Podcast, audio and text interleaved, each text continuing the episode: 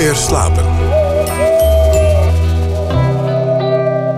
Goedenacht en welkom bij Nooit meer slapen. Tot het nieuws van 1 uur praat ik met Krijn Peter Hesselink. Een dromer, een fantast, iemand die graag cadeautjes in schoenen stopt en mensen aan het lachen maakt. Dat klinkt dus als een aardige jongen, maar zo eenvoudig is het ook weer niet. Want jaren geleden werkte hij actief mee aan het bevorderen van de financiële crisis waar we massaal mee te maken hebben gekregen.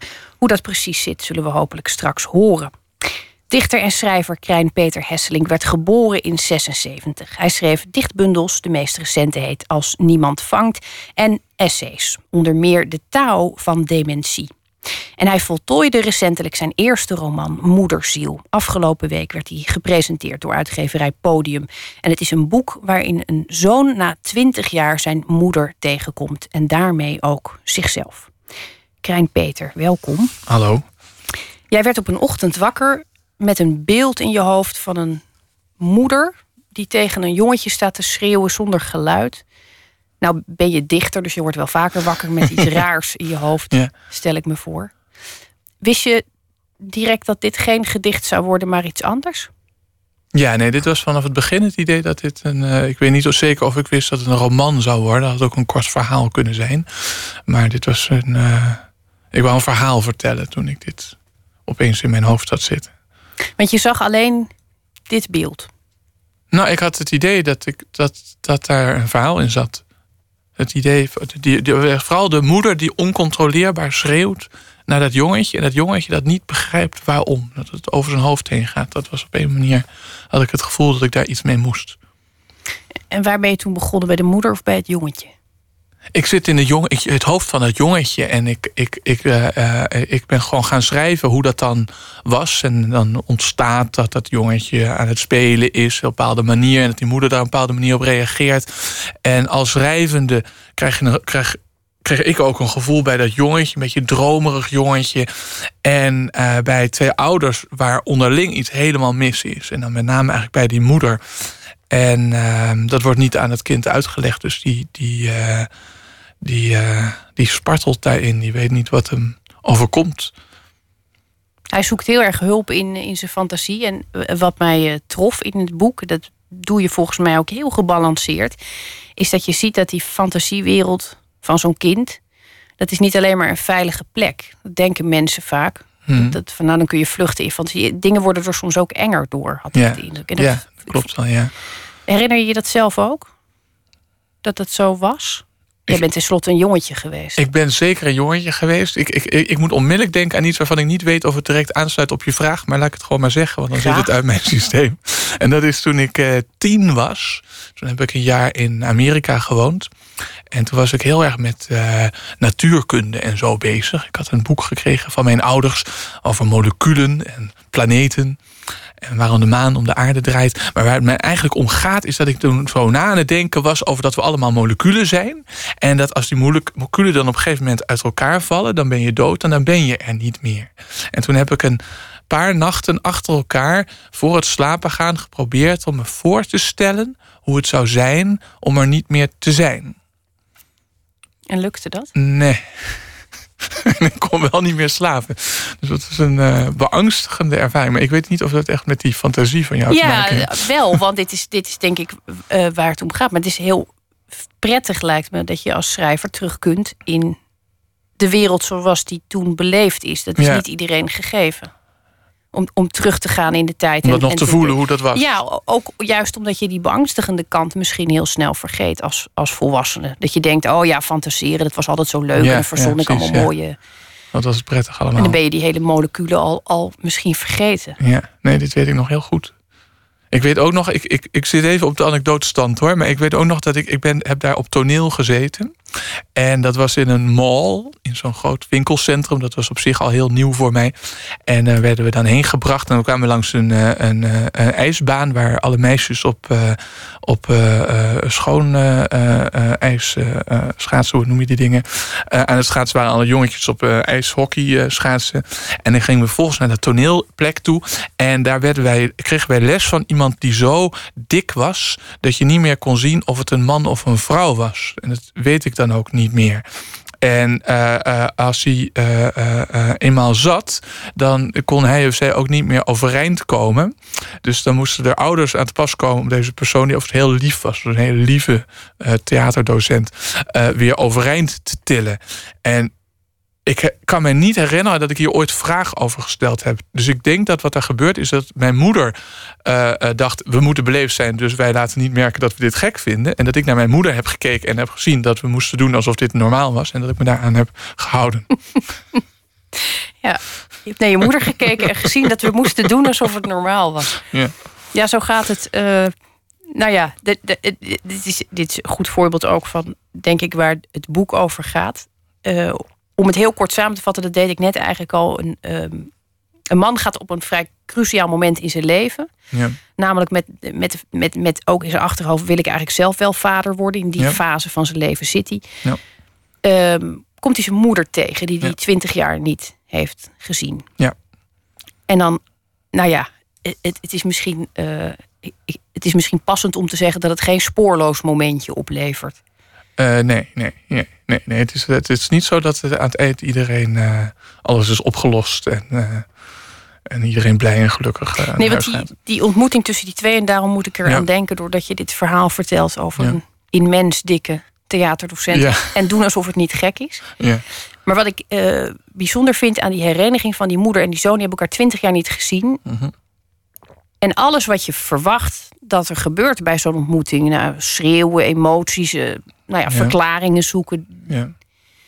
dat gebeurt eigenlijk helemaal niet. Waardoor het ook weer heel realistisch is, want zo gaat het dus blijkbaar als je twintig jaar. Ja, nou, daar heb ik geen onderzoek naar gedaan. En mijn eigen moeder is nog gewoon keurig in mijn leven. Dus ik heb, ik heb, uh, uh, ik heb me voorgesteld hoe dat was. En, en die, die, die, uh, die, die moeder is een beetje angstig en, en, en, uh, uh, uh, en onzeker. En die zoon durft het niet zo goed. Hij is denk ik sowieso, ik denk dat dat zowel voor, dat, voor, de, voor hem als hij klein is, als dat hij ouder is, dat hij een beetje een vermijdende stijl heeft. Dus het niet, als het niet aangegaan hoeft te worden, heeft hij het neiging om dat dan ook maar niet te doen. Waardoor het heel, heel veel dingen inderdaad heel lang uh, uh, net onder de oppervlakte blijven liggen. Dat je hopelijk wel voelt dat die vragen gesteld moeten worden, maar het komt er maar niet van. Nee, de, de, urgentie is er zeker. En volgens mij ook wel tot op zekere hoogte van twee kanten. Ja. Ze willen wel iets met elkaar. Oh, zeker, ja. Maar het lijkt net of ze de hele tijd ja. net schampen. Ja. Het is wel, denk ik, een, een, een thema in jouw werk, in je poëzie, uh, zit het ook wel dat, dat onvermogen tot contact maken. Mhm. Misschien moeten we het zo maar noemen. Is je, is je poëzie daar ook ooit begonnen? In, in dat, of is het iets wat je in je poëzie vond? Nou, ik denk eigenlijk dat het voor mijn poëzie iets vergelijkbaars geldt als voor die roman. Dus de roman begon dus met dat beeld waarvan ik dacht, hier moet ik iets mee. En toen had ik nog geen idee wat, het, wat voor verhaal daar verteld zou gaan worden. En met mijn gedicht is het meestal ook zo dat ik heb een beeld waarvan ik denk van, oh, daar wil ik iets mee. Of dat, dat voelt alsof daar iets in zit. En dan onderzoek ik het. En als schrijvend ontdek ik waar het over gaat. Maar dat, ik heb geen plan van tevoren. Dat ik denk, ik moet over de, het onvermogen tot contact met mijn medemens uh, gaan dichten. Het is meer zo dat ik al dichtend ontdek dat ik het daar blijkbaar dat dat blijkbaar belangrijk voor mij is. Ik weet niet of er mensen bestaan die op een dag wakker worden en denken: ik ga nu een gedicht schrijven over het onvermogen tot contact. Maar het lijkt vrees van wel. Ja, ja? ja, ik vrees van wel. Het zou zomaar kunnen. Zo'n beeld, wat, wat, is dat, wat kan dat bijvoorbeeld zijn? Je herinnert je vast wel een, een van je gedichten die met zo'n beeld begon. Uh, zijn het buitennissige dingen? Of? Het kan heel. Uh, het kan niet zijn dat. Ik, ik ben ooit uh, wakker geworden met een, een potje honing. wat ik op mijn bureau. in mijn studentenhuis toen nog. Open had laten staan s'nachts. En daar was een muis in gekropen. En die muis die was verdronken in de honing. En je zag hem dus zo. zo je zag hem zwemmen alsof hij, alsof hij cirkeltjes aan het zwemmen was. En er zaten keuteltjes die achter als een soort als een daar, daar achteraan dreven als een soort zoals in een strip zie je dan zo'n stofwolkje als iemand dus zo waren de keuteltjes hingen achter de achter het muisje aan en nadat ik over mijn eerste ontsteltenis over dit verschijnsel heen was wist ik dat dit een gedicht moest worden overigens heb ik later een een vage vriendin van me die, zei, die ervan overtuigd was dat het gedicht op haar was geïnspireerd, omdat zij ditzelfde haar was overkomen. Het is eh, echt fenomenaal hoe mensen zichzelf weten te herkennen in gedichten. Een gedicht over een muis die verdronken is in de honing. En dan is er toch altijd wel een vriendin die zegt: Het gaat eigenlijk over mij, Klein Peter. Ja, voel je je eigenlijk een moordenaar? Want dat zou ik natuurlijk hebben als je, als je wakker wordt en er is een muis verdronken in jouw honing. Ja, nee, ik had het. Ik heb eh, de situatie. Ik heb on, onbedoeld een, een val gecreëerd voor deze muis. Ja. Het is wel, het is wel, laten we eerlijk zijn, ook een, uh, een, zoete, een zoete dood. Het is een zoete dood. Ik denk inderdaad dat het. Ja. Maar hij zou wel lang kunnen duren, omdat het dus zo. Uh, Traag. Ik denk, ja. Ja, het is heel nachtmerrieachtig. Ja. Ook. Nou goed, we moeten hier niet te lang over praten. Het is nacht. Mensen moeten zo gaan slapen. krijgen daar heel veel last van, inderdaad. Dat, het gezin wat in deze roman uh, voorkomt, Moedersiel. Dat is een uh, gezin waar een hoop mis mee is. En toch is het heel lastig de vinger erop te leggen, vond ik. Mm -hmm. um, en dat, dat, heeft natuurlijk ook te maken met de manier waarop jij het schrijft. Het is heel goed gedoseerd, waardoor je heel lang denkt: wat is hier nou eigenlijk mis? En helemaal aan het eind dacht ik: ik denk dat het probleem, het grootste probleem, is toch dat ze elkaars pijn niet herkennen. Dat ze niet op tijd herkennen dat er pijn zit. Hm. Um, ja, je knikt nu. Nou, ik denk het zou kunnen. Het zou kijk, kunnen. Kijk, het, het, het, het, het, uh, het rare is, ik heb het heel erg geschreven vanuit die Jonathan. Die uh, uh, het, het, grote drama zit in zekere zin twintig jaar geleden, toen, die, toen de moeder is uh, verdwenen. En toen was hij eigenlijk te jong om, om echt te begrijpen wat daar aan de hand is. En zijn ouders zijn niet bereid om erover te praten. En daarom blijft het dus ook. Uh, Schrijnen het blijft schrijnen en het blijft on. je krijgt dus niet het, het, het, het, het geruststellende. Nou, dit en dit was er aan de hand. Nu begrijpen we het. We kunnen weer door. In zekere zin gaat het boek misschien ook wel over het accepteren van het niet weten van wat er aan de hand is. En ik denk dat ik uh, eerder bezig ben geweest om een soort. Ja, een, een gevoel te hebben van hoe dat gezin in elkaar zit. Want anders kan je het niet geloofwaardig neerzetten, wat ik hopelijk wel heb gedaan. Uh, uh, maar zonder het ook zelf te analyseren. Dus ik, heb, ik, heb, ik ben niet als een psychoanalist over mijn eigen personages aan het nadenken. Ik heb personages gecreëerd die het, die het samen niet redden. Dat is, niet, dat is geen gelukkig zinnetje geworden. En um, ik denk inderdaad dat het klopt dat, dat, dat ze grote problemen hebben. Het lukt niet om ze tot elkaar te komen. Dat is waar. Wat, wat fascineert jou daar zo aan? Want het zit dus ook veel in je poëzie. Dat ja. onvermogen.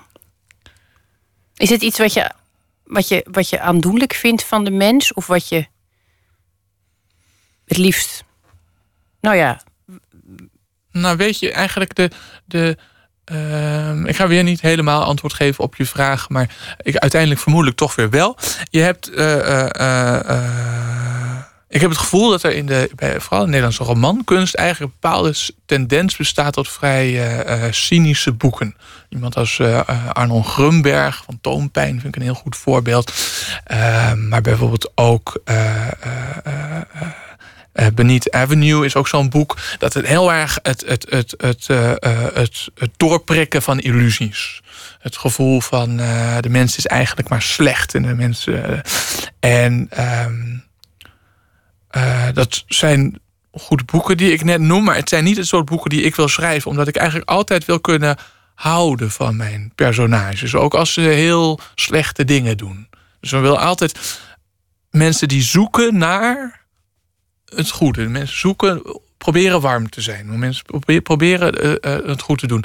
Maar als het allemaal lukt, dan heb je gewoon een saai boek. Dus het, het wordt spannend als je die worsteling, de worsteling om een ander te bereiken, en dat het wanneer het dan niet lukt en waarom het dan niet lukt en hoe je daar dan mee omgaat, dan wordt het voor mij uh, interessant. En dat is voor je, denk ik, ook in het leven hetgene wat je.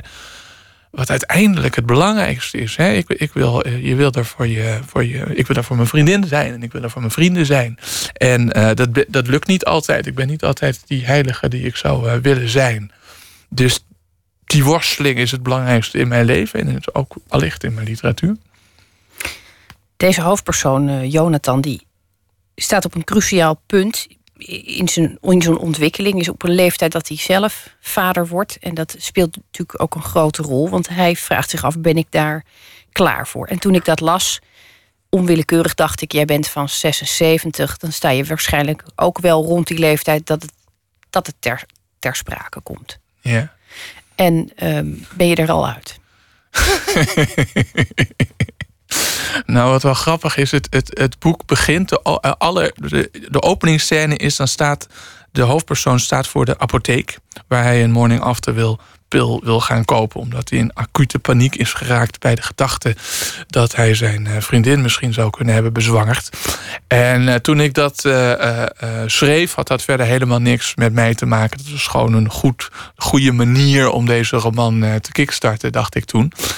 Um, maar toen ik uh, uh, de perskaarmaak correcties onder ogen kreeg. Dat is eigenlijk het laatste stadium van het boek. Dat er iemand naar uh, dt-fouten en uh, statistische details gaat kijken. Toen las ik het boek weer eens en toen dacht ik ja. Want inmiddels heb ik mijn vriendin bezwangerd. En ik kon mij ineens op een andere manier verhouden tot de paniek die het personage voelde bij het gedachte van: oh mijn god, ik zou verantwoordelijkheid kunnen krijgen over een wezentje en ben ik daar wel klaar voor? En, uh, en uh, misschien ben ik wel een hele slechte vader, of misschien dat soort angsten die waren opeens wat tastbaarder, omdat het ik weliswaar niet naar de apotheek ben gerend. En daar ook nog altijd tevreden over ben dat ik niet naar de apotheek ben gerend voor een morning after pill. Maar toch is het, is het niet niks. En het is ook, het is pas als je. Het, van tevoren dacht ik nou lijkt me wel leuk om een kind te hebben. Maar als, het dan, als je dan die streepjes op zo'n test ziet en weet dat er daadwerkelijk in die op dat moment nog volledig vlakke buik een, een, een wezentje aan het groeien is, dan denk je, oh my god. Ja, dan ben jij toch nog een hele aardige jongen die, nou ja, niet een heel ruig leven. Dus iemand waarvan je ook wel denkt, die kan het vast wel aan, de verantwoordelijkheid. Maar zelfs jij had even de, de bibbers. Ja, ja, nee, het is, uh, het verandert heel veel, hè? Ja. Denk je dat het goed komt straks met, met, uh, met, met contact? tussen mij en, en, uh, en de kleine. Ja. Het is een thema tenslotte dan. dan... Ja, nou, ik, ik, ik ben eigenlijk geneigd om te denken van wel. Um, maar het is natuurlijk een groot. Er groeit dus op dit moment in de buik van mijn vriendin een wezentje van op dit moment, ik geloof, 30 centimeter. En um, die gaat op een gegeven moment dingen van mij vinden. Die gaat ergens in de puberteit vermoedelijk vinden dat ik alles verkeerd heb gedaan met een beetje pech heeft, kent ze me ook nog zo goed dat ze me precies de pijnpunten weet te, te Dat je raar danst. Van, dat, ik, dat ik raar dans bijvoorbeeld. En dat, dat, dat, ik, eh, dat ik te veel uh, in mijn hoofd zit. En te veel, uh, te veel wegdroom en te veel nadenk. En. Uh, je laat het nu klinken alsof je je eigen ouders weer terugkrijgt met de geboorte van een kind. Wat trouwens misschien best waar is. Ja, ja, ik heb er geen ervaring mee, zoals gezegd. Dit is het grote onbekende. Ja. Maar uh, ja, om dat, dat contact te maken, dat warme contact wat je wil, dan heb je, heb je twee personen nodig dat, waarmee het goed, ga, goed klikt. Hè? En uh, ik kan mijn bijdrage kan ik leveren. En voor de andere bijdrage heb ik de helft van het DNA aangeleverd. Maar uh, ja uiteindelijk kan er heel veel. Ja, en dat is natuurlijk ook een hele rare positie als man, dat je maar afhankelijk bent van wat er dan uitkomt. Um, heel even terug in, je, in, in jouw leven en terug in de tijd. We noemden het net al even aan het begin. De economische crisis. Ja. Niemand zag hem aankomen, maar jij zag hem niet alleen. Nou, je, stond hem toe te juichen, zeg maar. Ja, nee, we, we, gaan nu terug naar mijn uh, studententijd. Ik geloof dat we 1999 zijn uit mijn ja. hoofd. Dus ik ben dan uh, Engels aan het studeren. En toen werd ik door Elena Simons, uh, een vriendin van me, gevraagd of ik uh, bij een genootschap wou komen dat zich ten doel stelde om Nederland in een economische crisis te storten. En in eerste instantie deden we niets anders dan op vrijdag bij elkaar komen als op donderdag de X-index omlaag was gegaan. Ik geloof dat het op vrijdag was. Uh, Uh, maar op een gegeven moment uh, hebben wij uh, concrete actie ondernomen. Hoewel het niet helemaal duidelijk is hoe we daarmee de economische crisis hebben bevorderd. Maar in ieder geval, we hebben oud vuil in de schappen van de bijenkorf naar binnen gesmokkeld. Was, het, was het echt oud vuil als in de zin van uit een afvalzak gevist?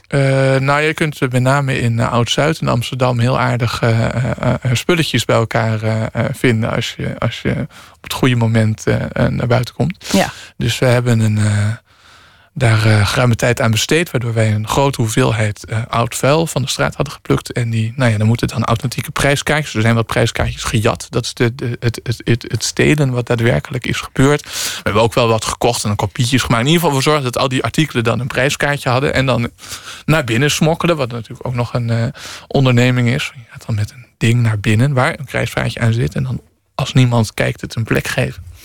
En toen was de bijenkorf dus uh, zonder het zelf te weten een uh, oud vuil aan het verkopen. Wat wij in een Die zijn ook daadwerkelijk dingen verkocht. Zeker, zeker. We hebben het zelf geprobeerd, uiteraard. En uh, hoeveel er verder is gekocht, heb, ja, daar hebben we geen. dat hebben we niet kunnen meten. Maar. Nou ja, we hebben inmiddels de gevolgen allemaal duidelijk duidelijk kunnen waarnemen de afgelopen jaren. Alsnog bedankt. De, uh, ik neem aan dat die uh, vereniging, stichting inmiddels is opgeheven omdat het doel bereikt werd. En, en... Uh, nee, hij heeft minder lang bestaan dan dat. We hebben daarna nog één. We hebben bij de. Overigens in mijn afwezigheid. Ik was op dat moment bij een eh, vriend van me in Rome. Maar toen heeft World Online tijdens de beursgang een gouden zeepbel uitgereikt gekregen. Als een aanmoedigingsprijs voor het, het goede werk. Onder de zinspreuk: hoe groter de zeepbel, hoe groter de, groter de klap. uh, daarna is, de, is het al snel uh, uh, opgegeven, de instelling. Ik denk dat we niet goed wisten wat de vervolgstap was. Ik kan me daar alles uh, bij voorstellen. Je hebt ook nog uh, gezorgd dat politici gekoppeld werden aan een buddy uit de samenleving om de kloof te dichten. Ja, dat was weer Elena Simons. Die had toen Wonder, een gezelschap dat plezier maakte met de samenleving. En de eerste grote actie van uh, Wonder was de Burgerbuddy, waar ik projectleider van was. En ja, wij overbrugden. Het was een soort foster parents plan, plan voor uh, politici en ambtenaren. Dat dus een, een politicus of een ambtenaar geadopteerd kon worden door een uh, man-vrouw uh, van de straat. En Rita Verdonk had, begreep ja, ik, een Marokkaanse buddy. Ja, ik weet even niet meer hoe die heette, maar dat klopt, ja. En die zaten dan samen af en toe eens door te praten over hoe het eigenlijk zou moeten. Ja.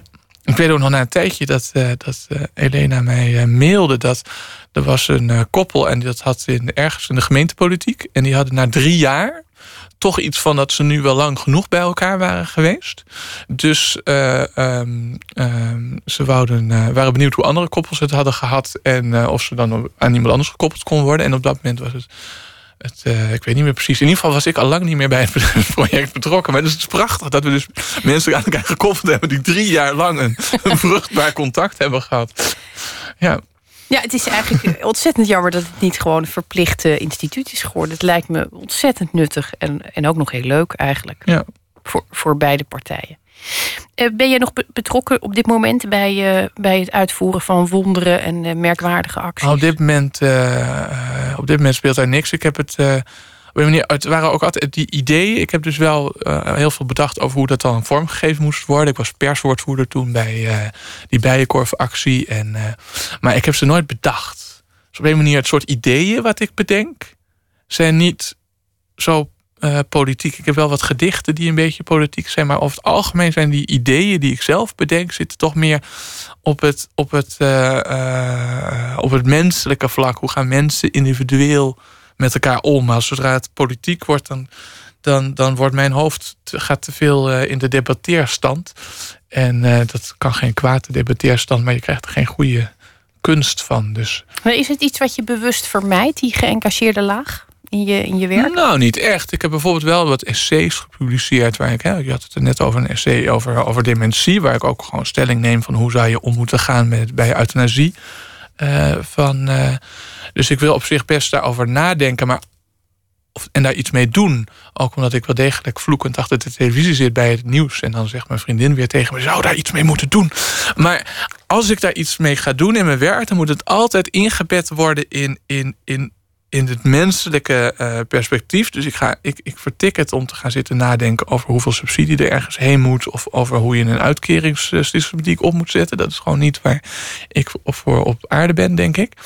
En, um, en het, het mag niet. Uh, ik wil, het, het mag geen. Uh, betoog worden van het moet daar en daarheen. Ik wil vragen opwerpen. En in de praktijk uh, is het tot nog toe zo geweest, het beste idee, de ideeën waar ik wat mee kon, die ik ontwikkelde, dat die toch meer gaan over het microniveau. Hoe kan ik goed omgaan met mezelf en hoe, kan ik goed omgaan met de mensen die belangrijk voor mij zijn. En dat die, ja, dat, dat politieke, dat ik, daar, dat ik daar nog geen plek voor weet te vinden in mijn werk. Maar misschien komt dat nog hoor. Dat zou. Uh, dat weet ik niet, maar tot op heden is dat zo. Nou ja, in, in zekere zin gaat, um, gaat moederziel ook wel. Het is ook, ook een beetje een les in, in de zin. Uh, zorg dat je je verhaal op tijd afmaakt. Loop het niet mis. Wees, wees ertoe bereid om het, om het af te maken, het verhaal. En, en hou, hou dat ook vast. Hoe bedoel je precies het verhaal nou, afmaken? Omdat, omdat die, die jongen heel duidelijk het einde van het verhaal mist. En, en daar ja. op zoek naar blijft. En dat vind ik toch ook wel iets bemoedigends. Het is ergens is het... Uh ja, als er iets bemoedigend is, is van dat hij uh, uh, aan het eind eindelijk wel de confrontatie aangaat met dingen die al heel lang in zijn leven uh, spelen en hem dwars zitten, maar dat hij eindelijk durft om, om dat aan te gaan. Nou, dat, dat lijkt me een heel ja. bemoedigende boodschap. We gaan daarmee eindigen, Krijn Peter Hesseling. Dank je wel dat je er was. Na het nieuws gaan we luisteren naar schrijfster Brechtje Hofstede onder andere. En we hebben het even over de Gouden Kalveren. Dat en meer straks na het nieuws van 1 uur.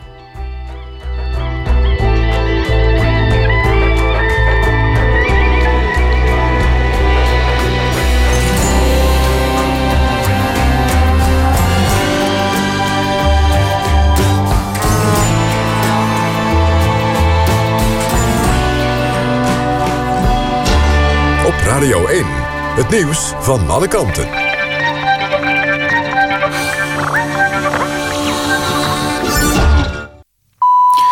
1 uur, Jeroen van Kam met het NOS Journaal. Coca-Cola en McDonald's, twee belangrijke sponsors van de FIFA... hebben Sepp Blatter opgeroepen om onmiddellijk op te stappen als FIFA-voorzitter. Volgens Coca-Cola is het vertrek van Blatter nodig... om een hervormingsproces op gang te brengen bij de Wereldvoetbalbond. De Zwitserse justitie begon vorige week een strafrechtelijk onderzoek naar Blatter... op verdenking van fraude en wanbestuur. Er loopt er langer een groot onderzoek naar corruptie bij de FIFA. In Guatemala zijn negen mensen omgekomen na een aardverschuiving. Zo'n 600 mensen worden nog vermist. In een plaatsje ten zuidoosten van Guatemala-stad... werd een halve wijk weggevaagd. Hevige regen zorgde ervoor dat het plaatsje werd overspoeld... door modder en rotsblokken. Honderden reddingswerkers zoeken in het puin nog naar overlevenden. Er zijn ruim 30 gewonden geteld... maar honderden mensen zijn nog spoorloos. Volgens persbureau AP is een man levend onder het puin vandaan gehaald... bijna 15 uur nadat zijn huis was ingestort. De Franse president Hollande heeft tegen de Russische president Poetin gezegd... dat de Russen in Syrië IS moeten aanvallen en alleen IS. De westerse coalitie vermoedt dat de Russen vooral de gematigde oppositie aanvallen. Die strijdt tegen de Syrische president Assad. Rusland is een bondgenoot van Assad.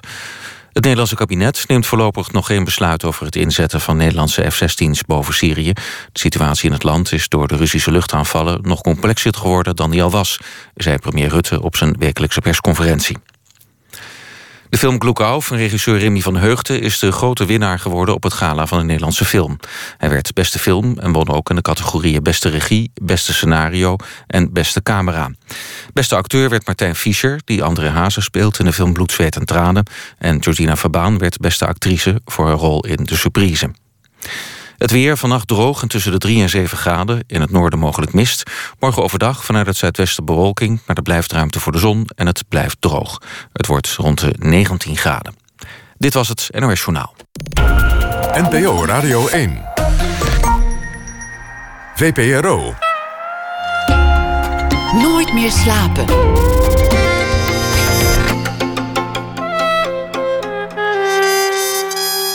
Met Esther Naomi Perquin.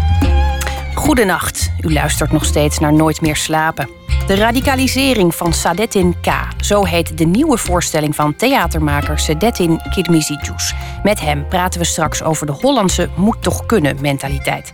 Dan spreken we ook met dichter Chalar Kossoen in zijn debuutbundel 34, die afgelopen week verscheen bij uitgeverij Stanza, reflecteert hij onder meer op de politieke situatie in Turkije.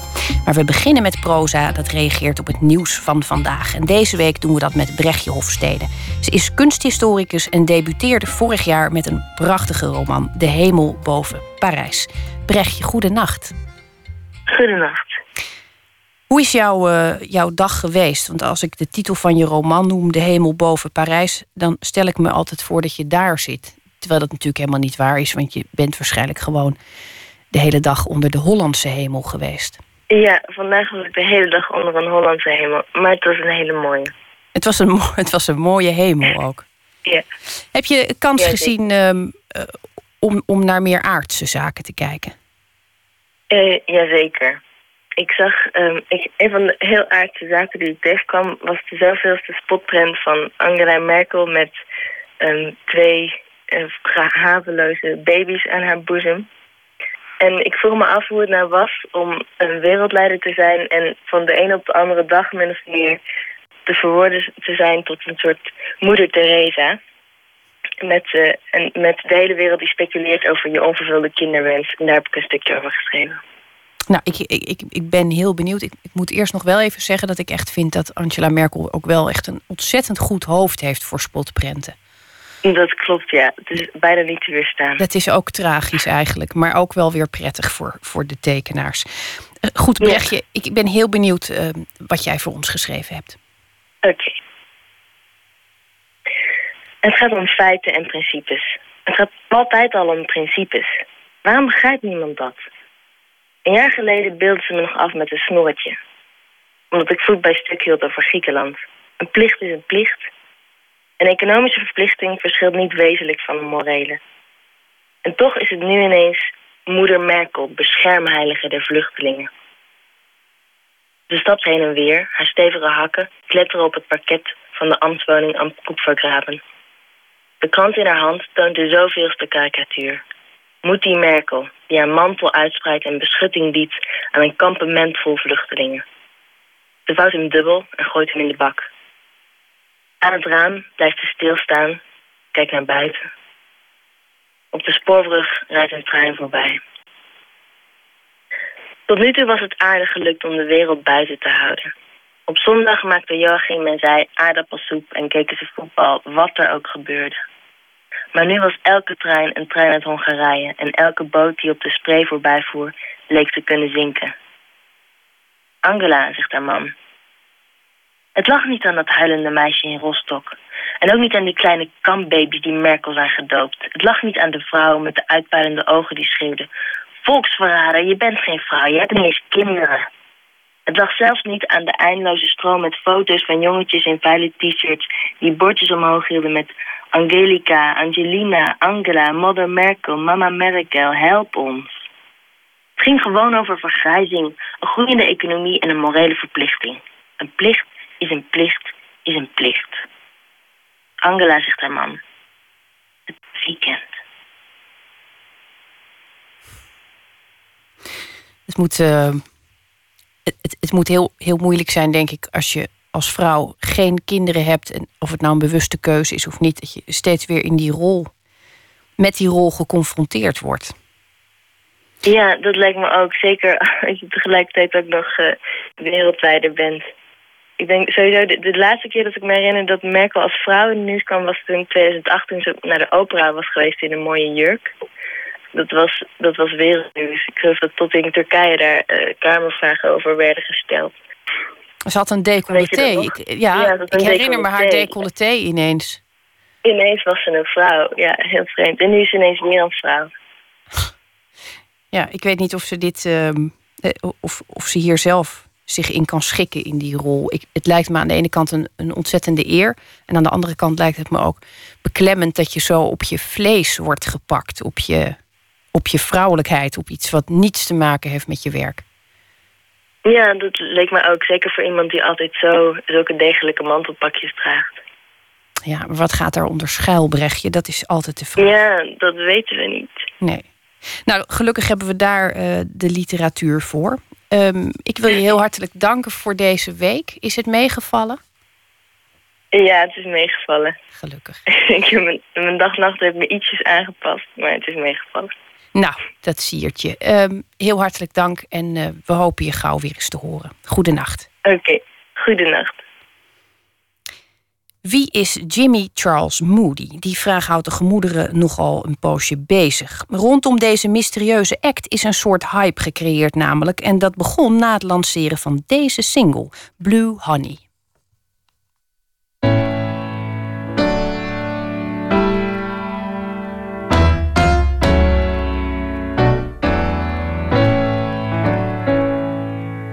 As I watch you leave through a mist of cigarette smoke My eyes burn from the sight of the truth. You say goodbye to me like we'd never been in love. Now you've taken all that I had to lose. I feel blue, honey. Cause your heart beating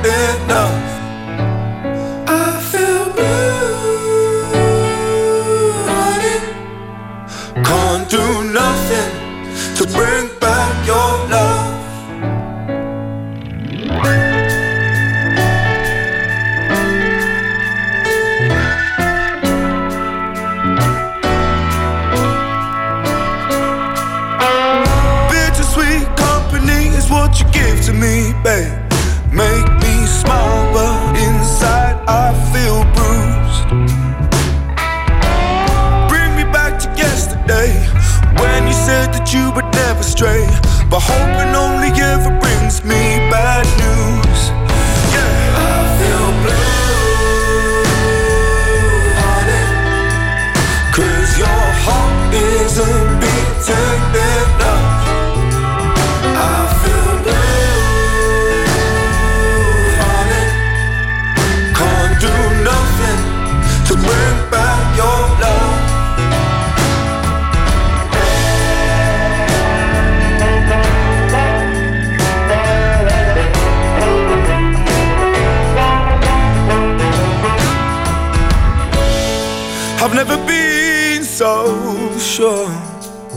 some people were brought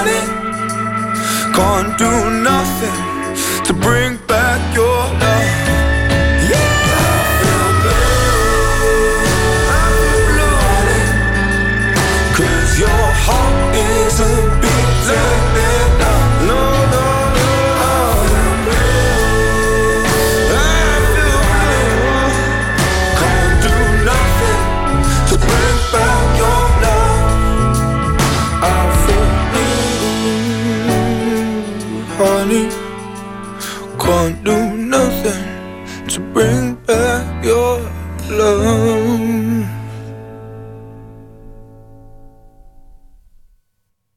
Jimmy Charles Moody is de naam. En wie daarachter schuil gaat, laat zich vooralsnog raden. Mocht u nou tips hebben of uh, gewoon hele goede vermoedens... dan kunt u ons natuurlijk de hele nacht twitteren op @vpro_nms. Dit was Blue Honey. Nooit meer slapen. De radicalisering van Sadettin K. Zo heet de nieuwe voorstelling van theatermaker Sadettin Kirmizicius. Hij vertelt in veel voorstellingen zijn persoonlijke verhaal... met een prominente rol voor zijn Turkse migrantenafkomst. Maar nu is hij vader geworden. En daarom lijkt juist dat hem tegen te staan. Verslaggever Botte Jellema ging afgelopen week naar een try-out... en zag dat er een boze meneer de zaal uitliep. Kent u de mop van de radicalisering van Sadettin K? Dat is een mop over Sadettin K die naar Syrië ging. Hij ging niet. Sadettin is in 1982 geboren in Zutphen in een gelovig Turks immigrantengezin. Redenen genoeg om te gaan?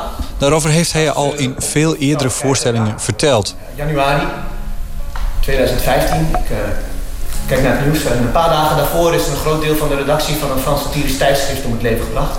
Twee jaar geleden begon hij aan een nieuwe serie voorstellingen onder de noemer Hollandse Luchten over de Nederlandse samenleving. Deze nieuwe is de laatste van de drieluik en gaat over de vraag waarom Sadettin niet is geradicaliseerd. Of over het Hollandse moet toch kunnen. En op hetzelfde moment vindt er uh, in een uh, Joodse supermarkt in Parijs een gijzeling uh, plaats. Die, Sinds vorig jaar is Sadettin vader. Een grote verandering die hij gebruikt in zijn voorstelling. Zijn kind groeit op in de Nederlandse samenleving, maar wat betekent dat? Sadettin met islamitische ouders heeft zo vaak te maken gekregen met vooroordelen. En hij vraagt zich af of zijn zoon daar ook mee zal moeten dealen. Nou, kan ik niet anders dan mij zorgen maken over de toekomst. Er is iets veranderd. Ja.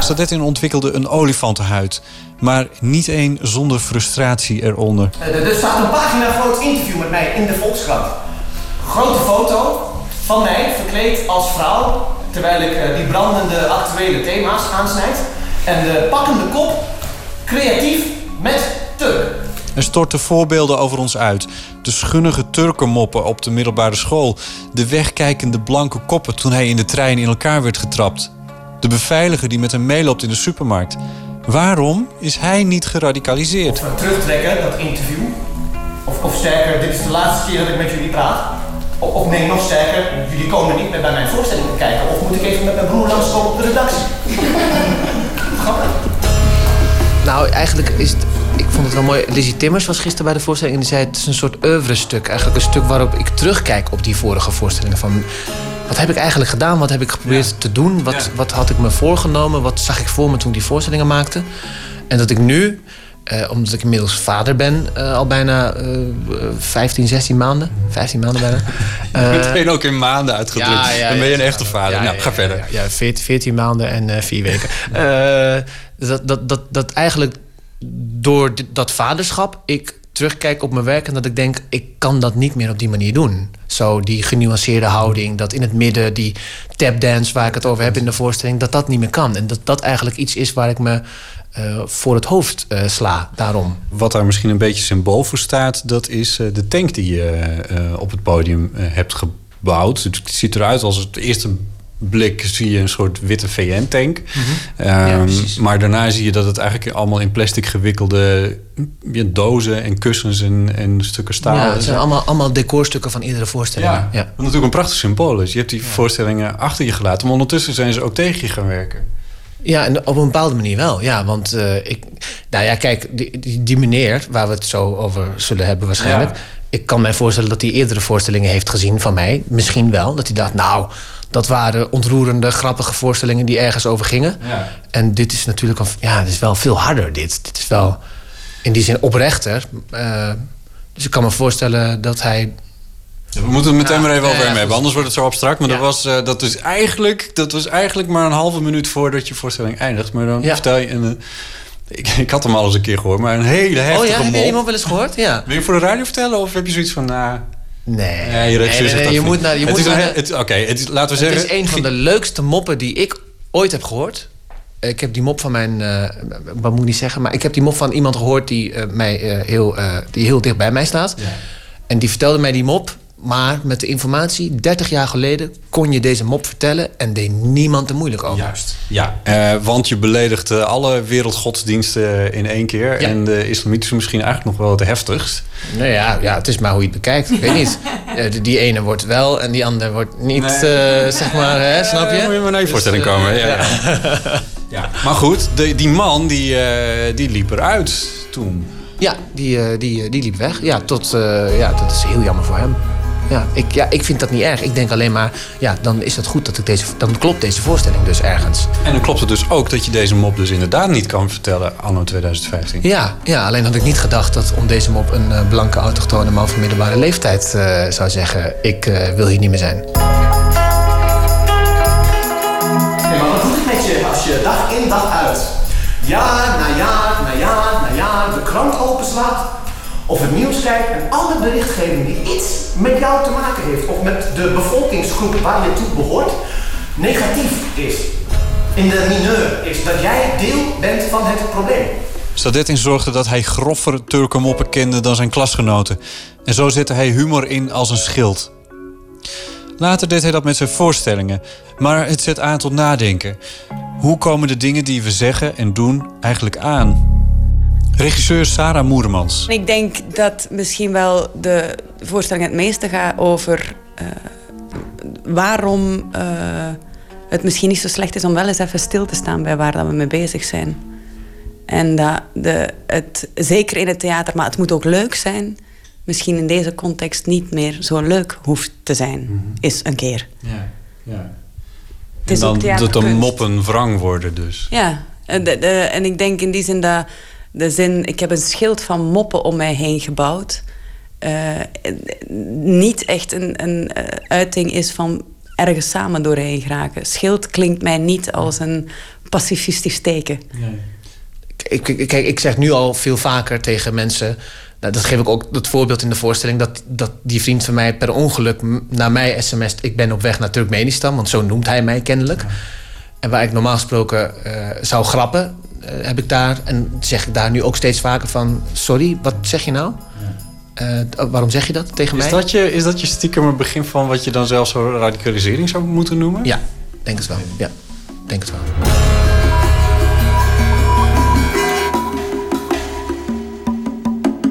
Waarom het bij mij ook wel, wel aardig binnenkwam. Is, ja, ik ben homo en ik behoor in die zin tot ook een, een, bepaalde groep. En ik heb ook mijn ontzettende gevoeligheid als er over die groep iets gezegd wordt. Of er, en die link die legde ik de hele tijd.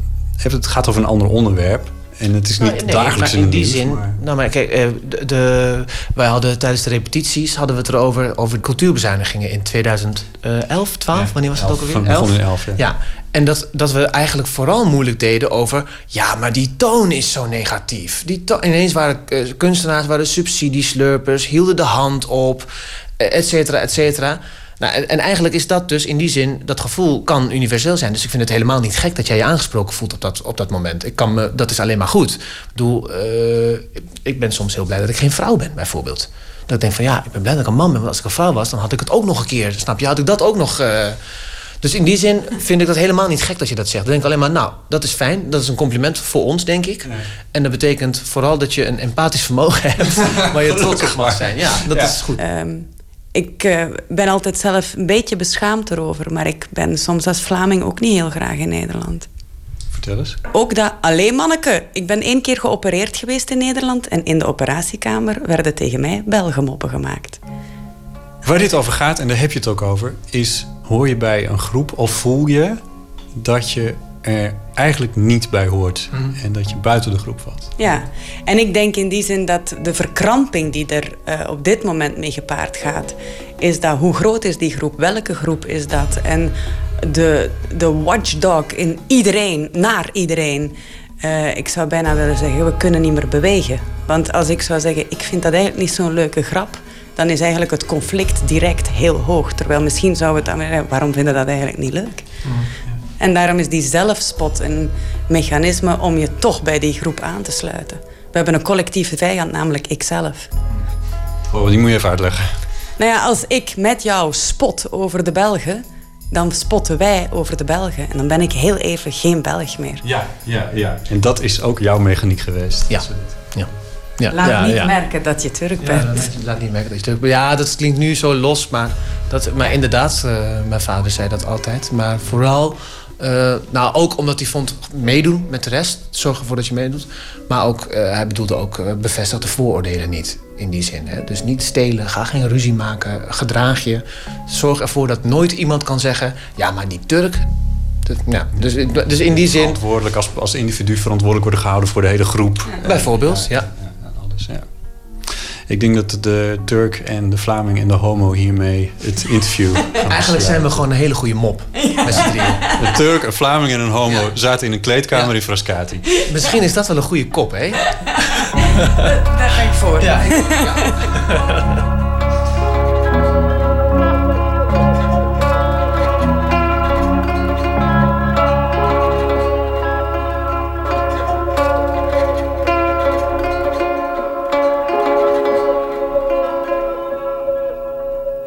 Sadettin Kirmizidjus en zijn regisseur Sarah Moeremans hoorden u over hun nieuwe voorstelling De radicalisering van Sadettin K.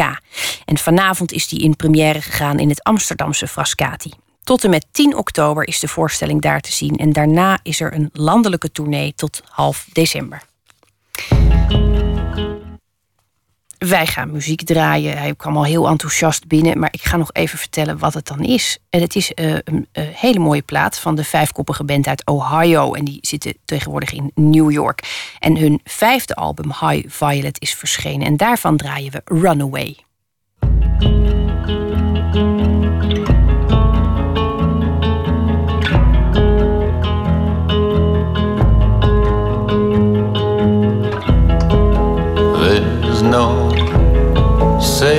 Saving anything. Now we're swallowing the shine of the sun. There's no saving anything. How we swallow the sun. But I won't be no runaway. Cause I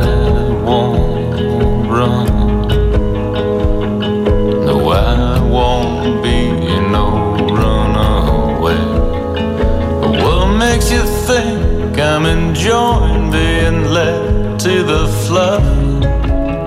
We got another thing coming undone. And it's taking us over. We don't bleed when we don't fight. Go ahead, go ahead, throw your arms in the air tonight. We don't bleed when we don't fight. Go ahead, fire tonight. But what makes you think I'm enjoying being led to the flood? We got another thing coming undone.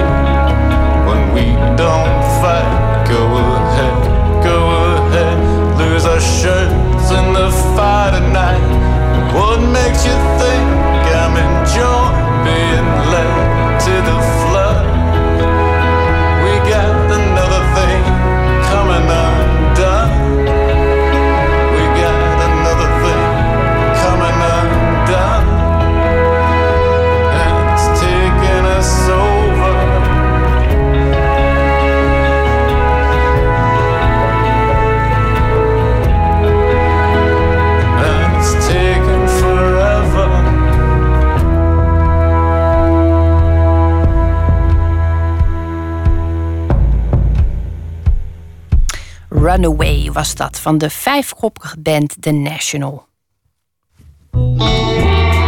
Nooit meer slapen.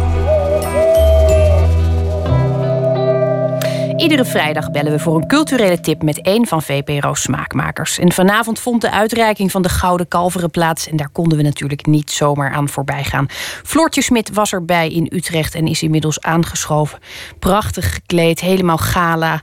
Floortje, goedenacht. Goedenacht. Hoe eh, is het eh, geweest? Het was, eh, ja, ik vond het bijzonder vermakelijk dit keer. Het was een, eh, best een leuke show. Ehm, ja, en het is, ja, het is altijd eh, ontzettend eh, glamour. Het is een beetje het verkleedfeestje voor de Nederlandse film. Dus iedereen komt op zijn mooiste binnen. Ja, is dat echt zo? Want ik denk toch altijd, we zijn heel nuchter... en dan komt iedereen toch gewoon weer op zijn sloffen en in zijn joggingbroek. Valt het dan mee? Nou, ik doe dit al tien jaar. Ik moet eerlijk zeggen dat in het begin zag je inderdaad... dan was er nog het hoekje van de morsige filmrecensenten... die dan in een spijkerbroek stonden. Dat is nu helemaal weg. Iedereen is nu, gaat wel echt gewoon galen. En wat ik nu aan heb, ik heb een kort jurkje aan... is zelfs, nou, het, het kan chiquer, laat ik het zo zeggen. Nou, je ziet er volgens mij eh, stralend uit. Eh, er was van tevoren heel veel rumoer dit keer rondom de uitreiking. Eh, films werden teruggetrokken, er was kritiek, nieuw systeem, dat was ook niet goed. Was daar iets van te merken van die onrust? Nou, dat terugtrekken kwam een aantal keer terug tijdens de show. Claudia de Brij, de presentatrice van de avond, die heeft er een soort grappig liedje oh, heeft daaraan gerefereerd. En Suzanne Visser, die een kalf uitreikte voor ehm, beste mannelijke bijrol, die refereerde er ook aan. Die zei: Ja, het zijn alleen maar arthouse films hier en helemaal geen, eh, eh, eh, geen kwaliteitsfilms of grote, grote films. Terwijl juist die categorie beste mannelijke bijrol waren eigenlijk alleen maar ehm, acteurs genomineerd uit hele grote publieksfilms. Dus er, er werd een beetje. Ja, het werd niet heel erg serieus genomen. Het bleef wel echt een, een heel leuk en keurig feestje eigenlijk. Nou, daar hebben we natuurlijk ook al die eh, gala dan voor nodig om een mooi en keurig feestje te krijgen. Hey, de meest felbegeerde prijzen die zijn eh, voor beste film, beste acteur en beste actrice. Hoe reageerden de winnaars? Waren ze goed voorbereid? Nou, de beste film is, eh is. Dat is een, een film in het Limburgs. Ehm, en je voelde het al een beetje aankomen. Het grappige is van dat nieuwe systeem, dat is een academy systeem. Dus dat betekent dat eh, mensen op alle categorieën stemmen. Dus alle filmmakers. En op dat moment was beste scenario al uitgereikt aan Glukov. En op dat moment was beste regie al uitgereikt aan Glukov. Dus eigenlijk, als je het systeem volgt, kan er dan bijna geen andere winnaar meer volgen dan Glukov als beste film. Want welke film, als je een film hebt die minder scenario heeft of minder regie, dat is een beetje vreemd als beste film. Dus dat was eigenlijk heel logisch. En ehm, ja, zij waren er gewoon dolgelukkig mee. En het, het, is, ja, het is een hele kleine film die het heel goed kan gebruiken, zo'n prijs, als die weer vertoond wordt, maar misschien met de DVD-release. En eh, ja, gewoon, ja, heel gelukkig ermee. Maar vorig jaar met de, vorige keer met die, eh, met die jury-systemen zouden ze het misschien meer hebben verdeeld. Want dan, dan heb je zo'n jury die bij elkaar zit, die dan zeggen van nou, hè, als we nou de een dan beste regie geven, dan geven we de andere beste film en dan blijft iedereen tevreden. Maar juist door dit hele nieuwe stemsysteem, waarbij je dus eigenlijk dat soort eh deeltjes niet kan maken, krijg je dus, ja, krijg je dit. Het voordeel is wel, moet ik eerlijk zeggen, dat, dat het ehm, zelfs voor mensen die veel te weinig films kijken, daar behoor ik helaas toe. Wel weer ook een moment is dat je beseft: dit is geweest, dit heb ik gemist, dat moet ik nu dus echt in gaan halen, want het is heel erg de moeite waard. Eh, vond jij dat ook? In, zag je dat terug in de keuze voor de winnaars? Dat je dacht: dit zijn echt wel films die je gezien moet hebben? Ehm, nou, wat de, de grootste kanshebbers, dat waren, waren en uh, Bloed, Zweet en Tranen. Ehm, en die zijn, die zijn best wel veel gezien, volgens mij. Ehm, er, was wel, er werd ook wel aan gerefereerd ehm, dat het zo fijn is dat al die veel mensen dus gewoon weer al die hele oogst, die hele jaar oogst moeten gaan bekijken om te stemmen op elkaar eigenlijk. Waardoor je heel erg ook weer geïnspireerd raakt als acteur of als regisseur om gewoon weer nieuwe mooie dingen te maken. Omdat je ziet wat al die anderen doen ehm, en dat je ook al die anderen beoordeelt. Dat, dat zorgt voor een soort dynamiek in die hele filmindustrie wat gewoon heel prettig is. Misschien is dat ook wel de grote waarde van de prijs. Zeker, zeker. En dit helpt wel. Het, het enige nadeel is dus... Ehm, vorig jaar werden er nog wel films bekroond... die dan later nog in de bioscoop te zien waren. Dus dan geef je het echt een beetje een, boost. Uh, is dus nu niet meer in eh, de bioscoop te zien. Georgina Verbaan heeft eh, prijs voor beste actrice gewonnen... voor de surprise. En die was over the moon. Het is echt, als je dat nog terug kan kijken op internet of iets dergelijks, moet je echt doen. Het is een ja, ontwapenend wassen, eh, terwijl ze hem eh, in ontvangst nam. En eh, Martijn Fischer is dus voor, voor zijn rol in Bloed, Zweet en Tranen. Maar dat zijn net films, ja, die zijn al uit de bioscoop in principe. Misschien dat ze er nog zijn, maar dan ja, absoluut inhalen. Nou, dan moeten we misschien wel gewoon wat beter zoeken. En, dan, eh, en anders kijken we hem thuis met heel veel popcorn en filmliefde. Er komt weer een nieuw filmjaar aan, hè? Dan kan je volgend jaar meepraten. Dus als je alle nieuwe films ziet. Ik ga volledig eh, blind varen op jou eh, vanaf nu. En dan gaan we dit volgend jaar weer helemaal grondig beter doen. Was het feestje na afloop ook nog heel leuk? Ja, ik moest natuurlijk weg op het moment dat iedereen zijn hakken ging verhuilen voor de gimpen. Dus, en dan weet je, dat is het kantelpunt van zo'n feest. Dan kan het nog twee kanten opgaan. Dus ik, ik durf het niet te zeggen. Ja, nou je hebt het chique gedeelte in ieder geval meegekregen. En eh, God mag weten wat er na afloop gebeurt. We hopen toch dat het een beetje wild eh, eindigt. Um, Floortje, dank je wel heel erg voor je ervaringen en observaties. Het Gouden Kalveren Gala vond plaats in het Beatrix Theater in Utrecht. En wie behoefte heeft aan een compleet overzicht van alle winnaars... gaat bijvoorbeeld naar www.vpro.nl-nff. The World of Dust is het soloproject van de Utrechtse muzikant Stefan Breuer, die doorgaans ook actief is in de band I Am Ook. En van zijn nieuwe album Womb Realm is dit Peach.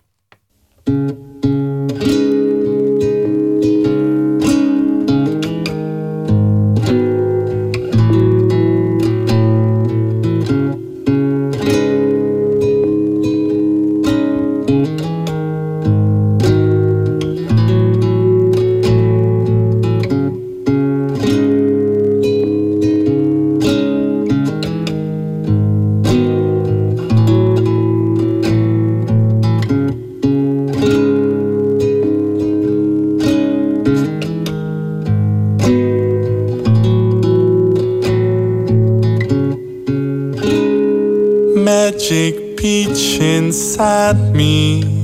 I've been hunting enemies. A murder of clowns is here, and a taste of inner peace. Everybody's lying about chosen volunteer try to do my best to feel better without fear.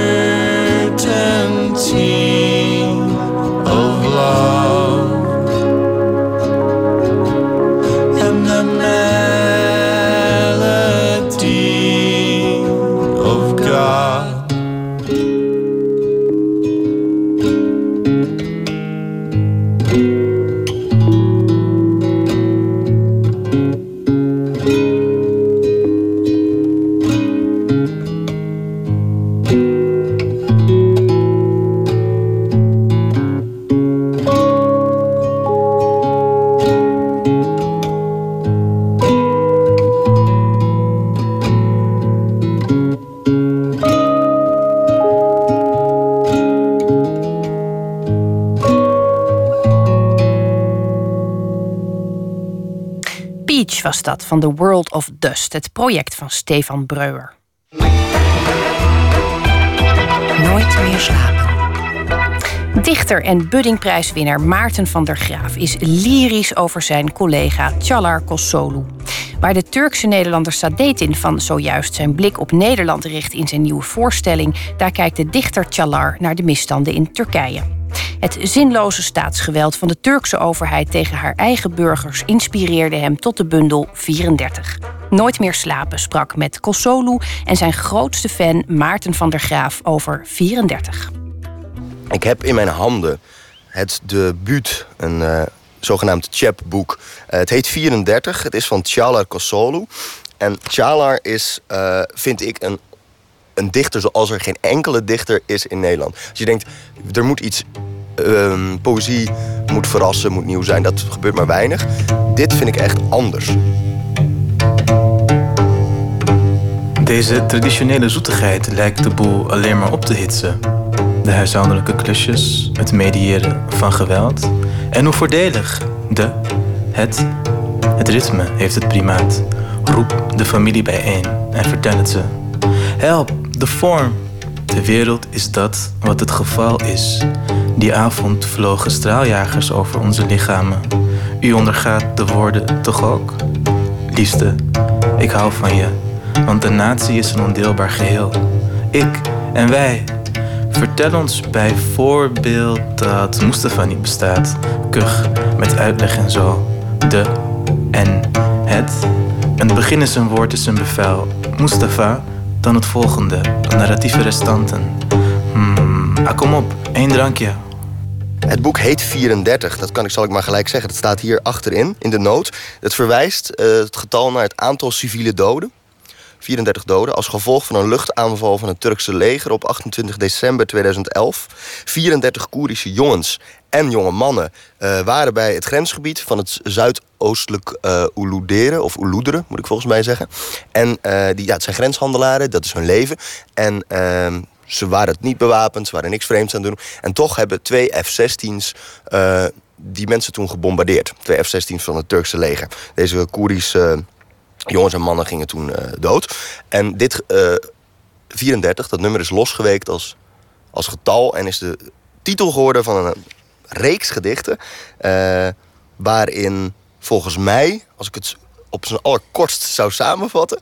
de Turkse geschiedenis, de politieke geschiedenis, ook van nu uit elkaar wordt gehaald en op, op een soort van Frankenstein manier weer in elkaar wordt gezet. Ik woonde destijds in Turkije toen ik aan het eerste gedicht begon. Dat was in 2012. En ik had echt heel erg moeite met hoe de media daar werkt. En ook, en met name eigenlijk, met het geweld dat plaatsvond. Een dodelijk geweld. In dat jaar dat ik naar Turkije verhuisde, leidde de strijd tussen het Turkse leger en de PKK op. En ik voelde me erg ongemakkelijk met, mijn eigen situatie. Ik was veilig, ik zat op de universiteit en werkte daarna. Um, en uh, mensen stierven, uh, voornamelijk jonge mannen en vrouwen. En uh, het, het, het, leek eigenlijk niets te betekenen, of het, betek, het leek heel veel te betekenen op het nieuws, maar het was heel lastig om daarmee om te gaan voor mij. Dus in dat opzicht heeft het mij ook wel gepolitiseerd. En dit chapboek is ook eigenlijk voortgekomen uit een soort poging om me tot die werkelijkheid te verhouden. Dus dat er overal geweld is, maar een soort abstract geweld. Je loopt zelf geen risico. En het geweld voedt dit soort nationalistische machineapparaat... wat dat alleen maar erger maakt. Dus een soort, ook een soort wanhoop. Komt daar woede bij kijken? ik denk het wel, ja. ja ik, ik herinner me dat ik... Uh, ja, uh, heel erg eigenlijk. Ja. Ik, ik woonde dus in Turkije en ben toen ook naar het gebied afgereisd waar dit bombardement uh, plaatsvond. Naar de grens met Noord-Irak dus. Dat, heeft, dat was heel leerzaam voor mij. Maar ik, ik, ik, ik merkte ook dat het werkelijk anders is wanneer je daar ter plekke bent. wanneer je de dagelijkse werkelijkheid meekrijgt. Wanneer je met mensen praat over die gebeurtenis. Een woede en wanhoop, denk ik, tussen die twee polen.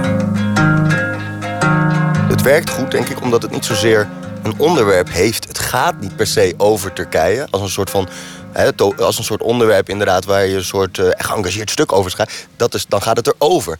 Maar het, het is het eerder. Het, uh, het is het materiaal waaruit je een verhaal zou kunnen opbouwen om alle neuzen dezelfde kant op te krijgen. Wat politieke propaganda bijvoorbeeld is. Hè, Turk, in het huidige Turkije is politieke pro- propaganda overal. De vraag is voortdurend daar: wie mag er eigenlijk bij de Turken horen en wie niet? Wie worden uitgesloten uit het verhaal van het collectief? Hoe deze poëzie daarop reageert, is door sowieso al van de verkniptheid van dat verhaal uit te gaan. En ik denk dat het bijzondere in de opbouw van de reeks ligt. Niet zozeer in de taal als een soort voor verfijnde mensen. Dat, dat, dat, daar hou ik überhaupt niet zo van. Maar dat, dat is het niet. Kijk, het is zo opgebouwd. Je hebt de hele tijd links heb je één zin staan. En, en dan rechts een soort la- langer gedicht. En er is één, dat is eigenlijk heel simpel. Er is één formeel principe. Dat aan deze hele poëzie te grondslag ligt. En dat maakt het denk ik zo goed. De naam Mustafa valt in elk gedicht. Mustafa is een verwijzing naar de stichter van Turkije, eh, Mustafa Kemal, ook al bekend als Atatürk. En hij komt eh, op elke afzonderlijke bladzijde voor, minstens één keer voor. Ja, het is een beetje een knipoog naar zijn alomtegenwoordigheid in woord en beeld in Turkije. En voor mij ook een soort ja, metoniem voor de Turkse staat en de geschiedenis. En ook manier van politiek bedrijven, manier van regeren. En ik wilde eigenlijk de vraag naar politiek in Turkije zo veelomvattend mogelijk stellen. En het, het fijnste een beetje het nationale voor mij. Dus enerzijds verwijzing naar de historische persoon. En anderzijds ook gewoon een veel voorkomende naam in Turkije. Ik schrijf in het Nederlands, eh, maar het gaat over Turkije. Of er zijn heel veel expliciete verwijzingen naar Turkije. Ik woon niet meer in Turkije. Dus ja, het is ambivalent, maar ik denk dat die tegenstrijdigheden, um, die paradoxen juist vruchtbaar kunnen zijn. Uh, en ook, dat bleek ook in mijn geval. Misschien had ik niet deze manier gereageerd op het geweld als ik al in Turkije had gewoond daarvoor. Of... Dus ja, volgens mij het, werkt het juist generatief. Ja. En dan schrijf je en dan breng je iets uit. Het is er nu. Maakt het wat uit dat dit er nu is? Ik, ik weet het niet. Het is lastig om te zeggen. Ja. Het is heel, heel moeilijk. Ik zou niet durven zeggen ja. Ik, ik weet het echt niet. Ik bedoel, voor de mensen naar wie de titel verwijst, maakt het volgens mij helemaal niet uit. Uh, maar misschien is het ook niet wat ik verwacht uh, van deze bundel. Ook niet van poëzie überhaupt. Die hoop is er natuurlijk wel. En die hoop, dat verlangen, is ook een van de drijfveren wanneer je volgens mij dicht. Maar om een soort uh, direct resultaat te verwachten, dat, ik, ik weet niet. Ik, uh, volgens mij is mijn antwoord nee. Het gaat ook over natievorming overal. Het gaat ook over hoe politieke taal ons dresseert en onze neuzen dezelfde kant op krijgt hier. Dus het is ook, het is ook relevant voor mensen die niet uh, de Turkse, uh, hoe heet het, de, de media over Turkije heel erg in de gaten houden of zo. Um, ja, ik heb, er, ik heb er veel van geleerd van het project, denk ik, omdat uh, het een mogelijkheid voor mij biedt om over poëzie na te denken als in relatie tot het politieke. Iets wat ik veel doe uh, en belangrijk vind. Maar het gebeurt vaak op een hele beetje naïeve manier. Zo van, ik schrijf nu een gedicht over vluchtelingen. Daar heb ik dus helemaal niks mee. Uh, ik vind dat naïeve uh, poëtica levert ook naïeve politiek op. En in beide gevallen wordt dit uh, wordt dit hier geavanceerder, denk ik, onderzocht. Uh, en daarom is het zo'n belangrijke publicatie. Omdat het, een, een, omdat het duidelijk kiest voor een bepaalde benadering. Namelijk um, het officiële narratief verstoren met een soort crazy non-narratief, een niet-verhaal. Ik ben van plan om terug te gaan naar Turkije. En ik denk ook dat ik op een andere manier terug zal gaan.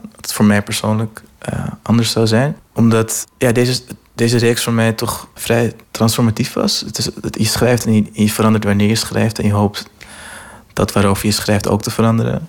Dus ik, ik heb me geprobeerd te verhouden tot, tot dat land. Uh, vanuit een bepaalde positie. Uh, vanuit verschillende posities eigenlijk. En ik denk dat als ik aan een nieuw project begin, dat dat zeker heel anders zal zijn. En ook deze ervaring ook mee zal nemen, denk ik. Mustafa hield tussen 15 en 20 oktober 1927 een toespraak van 36 uur. 36 uur is zo voorbij in een van de betere striptenten van het land. Het land is een abstractie voor Koerden in Uludurre. In Uludre werd op 28 december 2011 de Republiek Turkije gesticht. Dat is allemaal informatie die gewoon letterlijk niet klopt.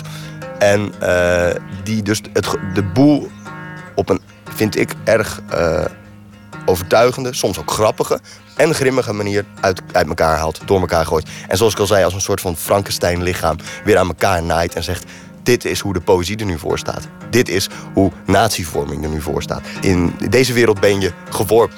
De wereld is een Frankenstein-wereld.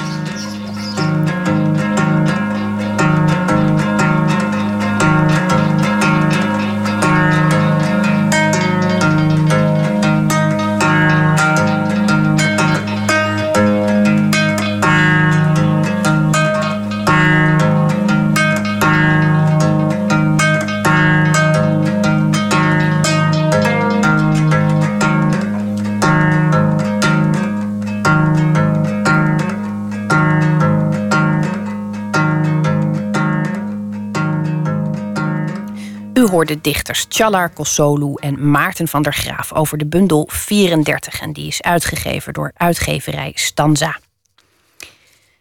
De Ierse singer-songwriter Glenn Hansard was twee decennia lang de voorman van de Frames. Twee jaar geleden debuteerde hij op zijn 42e als solo-artiest. En van zijn nieuwe album Didn't He Ramble is dit Winning Streak.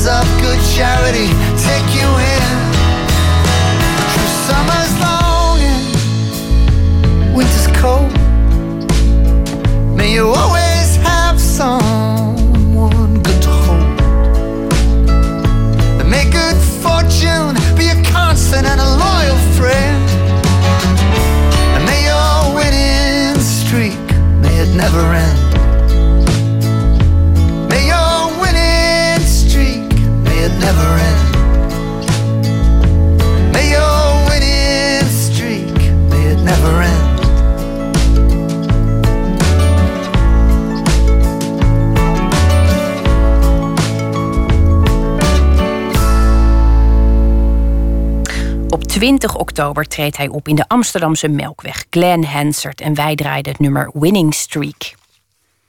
En we sluiten deze aflevering af met een dichter die een favoriet gedicht voordraagt. En deze week is dat de keuze van Lisbeth Lagemaat. Zij debuteerde in 2005 met de bundel Een grimwoud in mijn keel. En haar meest recente bundel Nachtopera verscheen begin dit jaar. Ook verscheen onlangs de roman Lizzie, die zij samen met Martin Michael Driessen schreef. Lisbeth Lagemaat sluit af met een eigen gedicht. In zijn vuist rustte ik.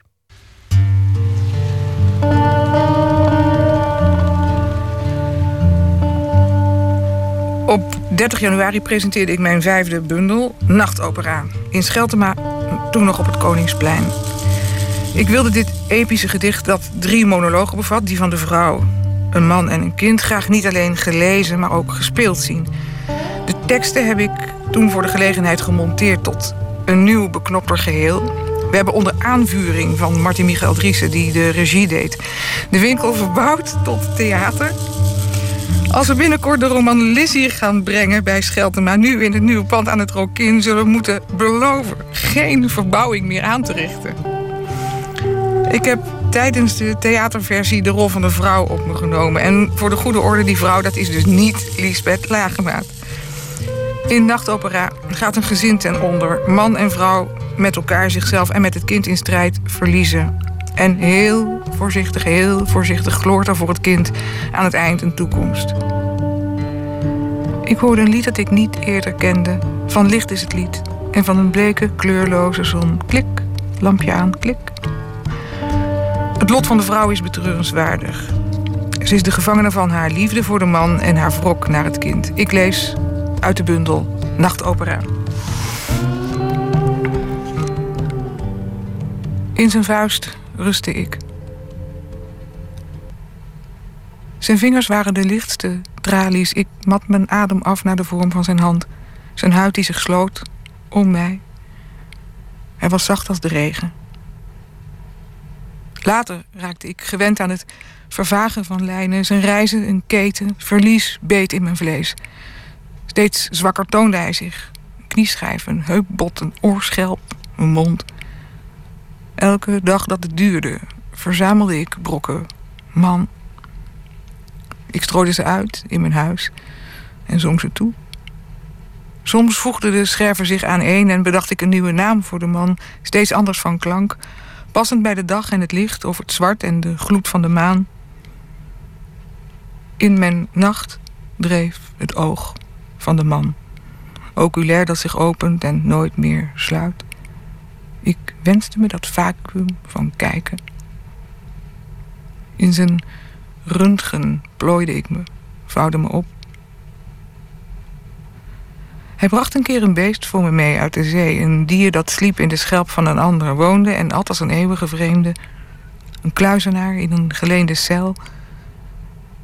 De kreeft heeft drie dagen en nachten gedanst in een geel plastic bakje, een eenzame tango, tot in de dood. Als ik een kind krijg, dacht ik, noem ik het Heremiet. Het kind wilde niet zo geheten. U hoorde Lisbeth Lagemaat met het gedicht In zijn vuist rustte ik, afkomstig uit haar bundel Nachtopera. En ook dichter Arjen Duinker hebben we gevraagd vijf favoriete gedichten te kiezen. En welke dat zijn, dat hoort u volgende week. Wij gaan luisteren naar de onvergetelijke Etta James met een prachtig nummer uit 1971, Losers Weepers.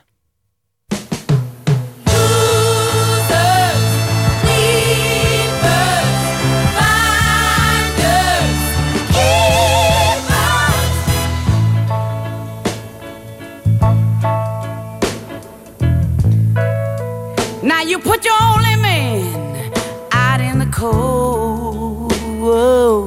Yes, you did. Just because your best friend told you he was too old. Now let me tell you, she lied. And now they found him. Now you want him back. Yes, you do. But let me tell you now. ain't going for that. No, I ain't. It was a.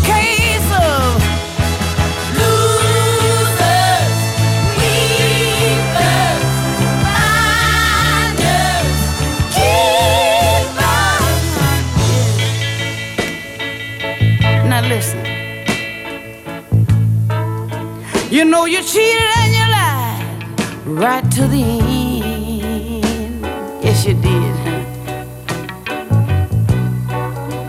You even talked about your man to his best friend, and you ain't had no business doing that. Then you promised him if if he'd come back, you'd never misuse him. But now he belongs to me, huh? And I ain't gonna, ain't gonna lose him. It was a case of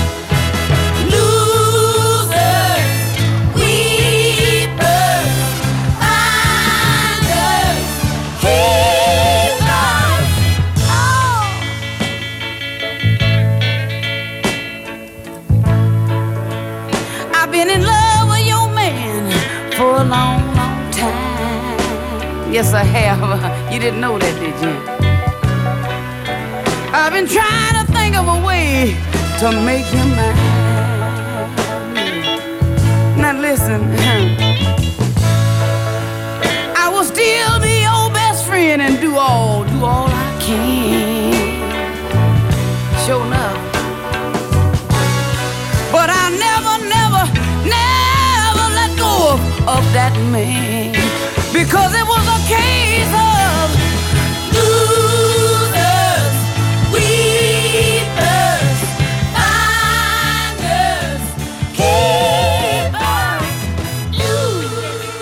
Losers Weepers uit 71 was dat van Etta James. En ik vertel nog iets over maandag. Dan komt acteur en regisseur Jack Woutersen langs. Het grote publiek kent hem van zijn vele rollen in onder andere All Stars, De Noorderlingen en Vet Hart.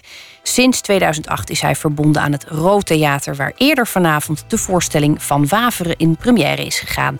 Over de opkomst en ondergang van de rijke Hollandse bolletelersfamilie van Waveren. Dat onder meer maandag. En straks kunt u luisteren naar Woord met Maarten Westerveen. Met als thema De Wereld Rond. Ik wens u voor nu een mooie nacht. En ik hoop dat u nog even wakker blijft om te luisteren naar Schipbreuk en een huwelijksreis.